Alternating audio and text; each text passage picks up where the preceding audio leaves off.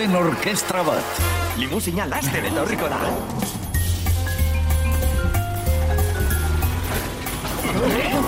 Avanti populi! Tira, tira, gora bihotzak. Behetik hasi beharra dago. Astearteak e, zinema egunak izan ohi ditugu eta aurretik gontzalek eh, bueno, drama eta thriller itxurako pelikula bat ekarri baldin badigu oraingoan e, proposamen zoroago batekin gatoz, orkestra lurtarra laister estrenatuko da Euskal Herriko zinemetan, Iruñerriko zinemetara iritsiko da, filmaz aurrerago eta metropoli foralean ere hitz egingo dute. Ena, gaurkoan, e, bueno, pixkate filma nola osatu den eta lehenengo ba, zantzu batzuk ere filmari buruzko zantzu batzuk e, urbilduko dizkizuegu eta horretaz hitz egiteko ba, ekoizle lanetan aritu den miren berasategi dugu. Arratxaldeon, miren? Kaixo, arratxaldeon.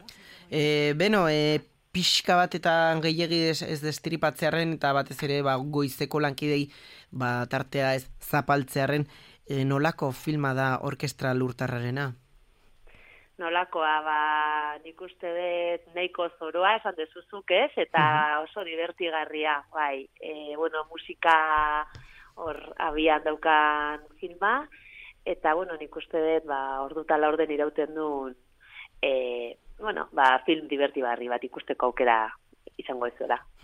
e, zer dela eta ikusi zuen lotura filmsek, e, bueno, horrelako filme bat e, sortzeko?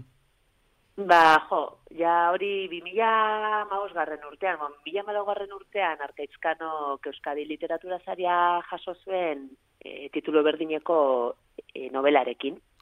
Eta, bueno, ba, irakurri genuen, eta ikusi genuen, ba, aukerak ikusi genizkion zin pantalla hundira eramateko eta horraz izan pixka bat gure gure historia, ez?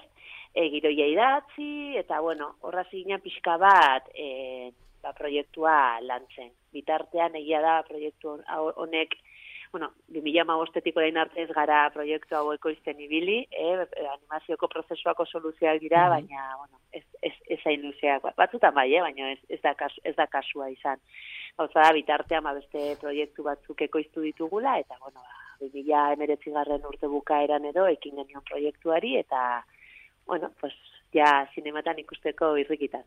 Uhum, bai, e, aipatu zu, arkaitzkan oren liburuan oinarritzen dela, e, gido egintzen ere neko olasagasti da, zuzendaritzan, Imanuel Zinkunegita aipatu zu ez, e, Joseba Ponce horre musikan eta zuzendaritzan ere ibili bai. direla, e, esperotako emaitza jaso zue, mugak edo ez zuen iruditeriaren mugak gainditu ditu? Bueno, oso kritikoa gera, gera gure produktuekin, ez? Eta, bueno, beti ikusten dizkiogu akatsak, ez? Zati, bueno, ba, oso kritikoa garelako, baina ez, ez? Nik uste dut, bueno, ba, gainditu edo, bueno, ba, gauza polit bat egin degula eta merezitako, bueno, ba, kali, merezitako kalitate batekin. Baina, bueno, Bai, e, ikusi dugu ere, bueno, horrelako e, kanpaina berezi bat, ez antolatu duzu, ez duzuela soilik e, tiserra zabaldu, edo ez dituzuela soilik e, pertsonaien posterrak edo zabaldu baizik, eta ere hor e, pertsonaietako bat e, animaziotik, e, bueno, e, e, zur eta aragizko bihurtu duzuela, eta ibili dela horre Euskal Herriko hainbat txokotan. Nola, nola bai. sortu zen ideia hau? Bai, ba, ia da, bueltak ematen aritu ginen promozioa nola, nola egin eta eta azkenean ba, gehien bat promozioa promozio digitalera edo sare sozialetara eta bideratu dugu, ez? Eta, bueno, hor badabi, ba, perfumeti, da, ba, historia, pelikulako personaje bat, eta horre bili da Euskal Herritik bueltaka, ba, pixka bat, ez dakit nola esan, ba, jendea, jendea molestatzen bezala, ez?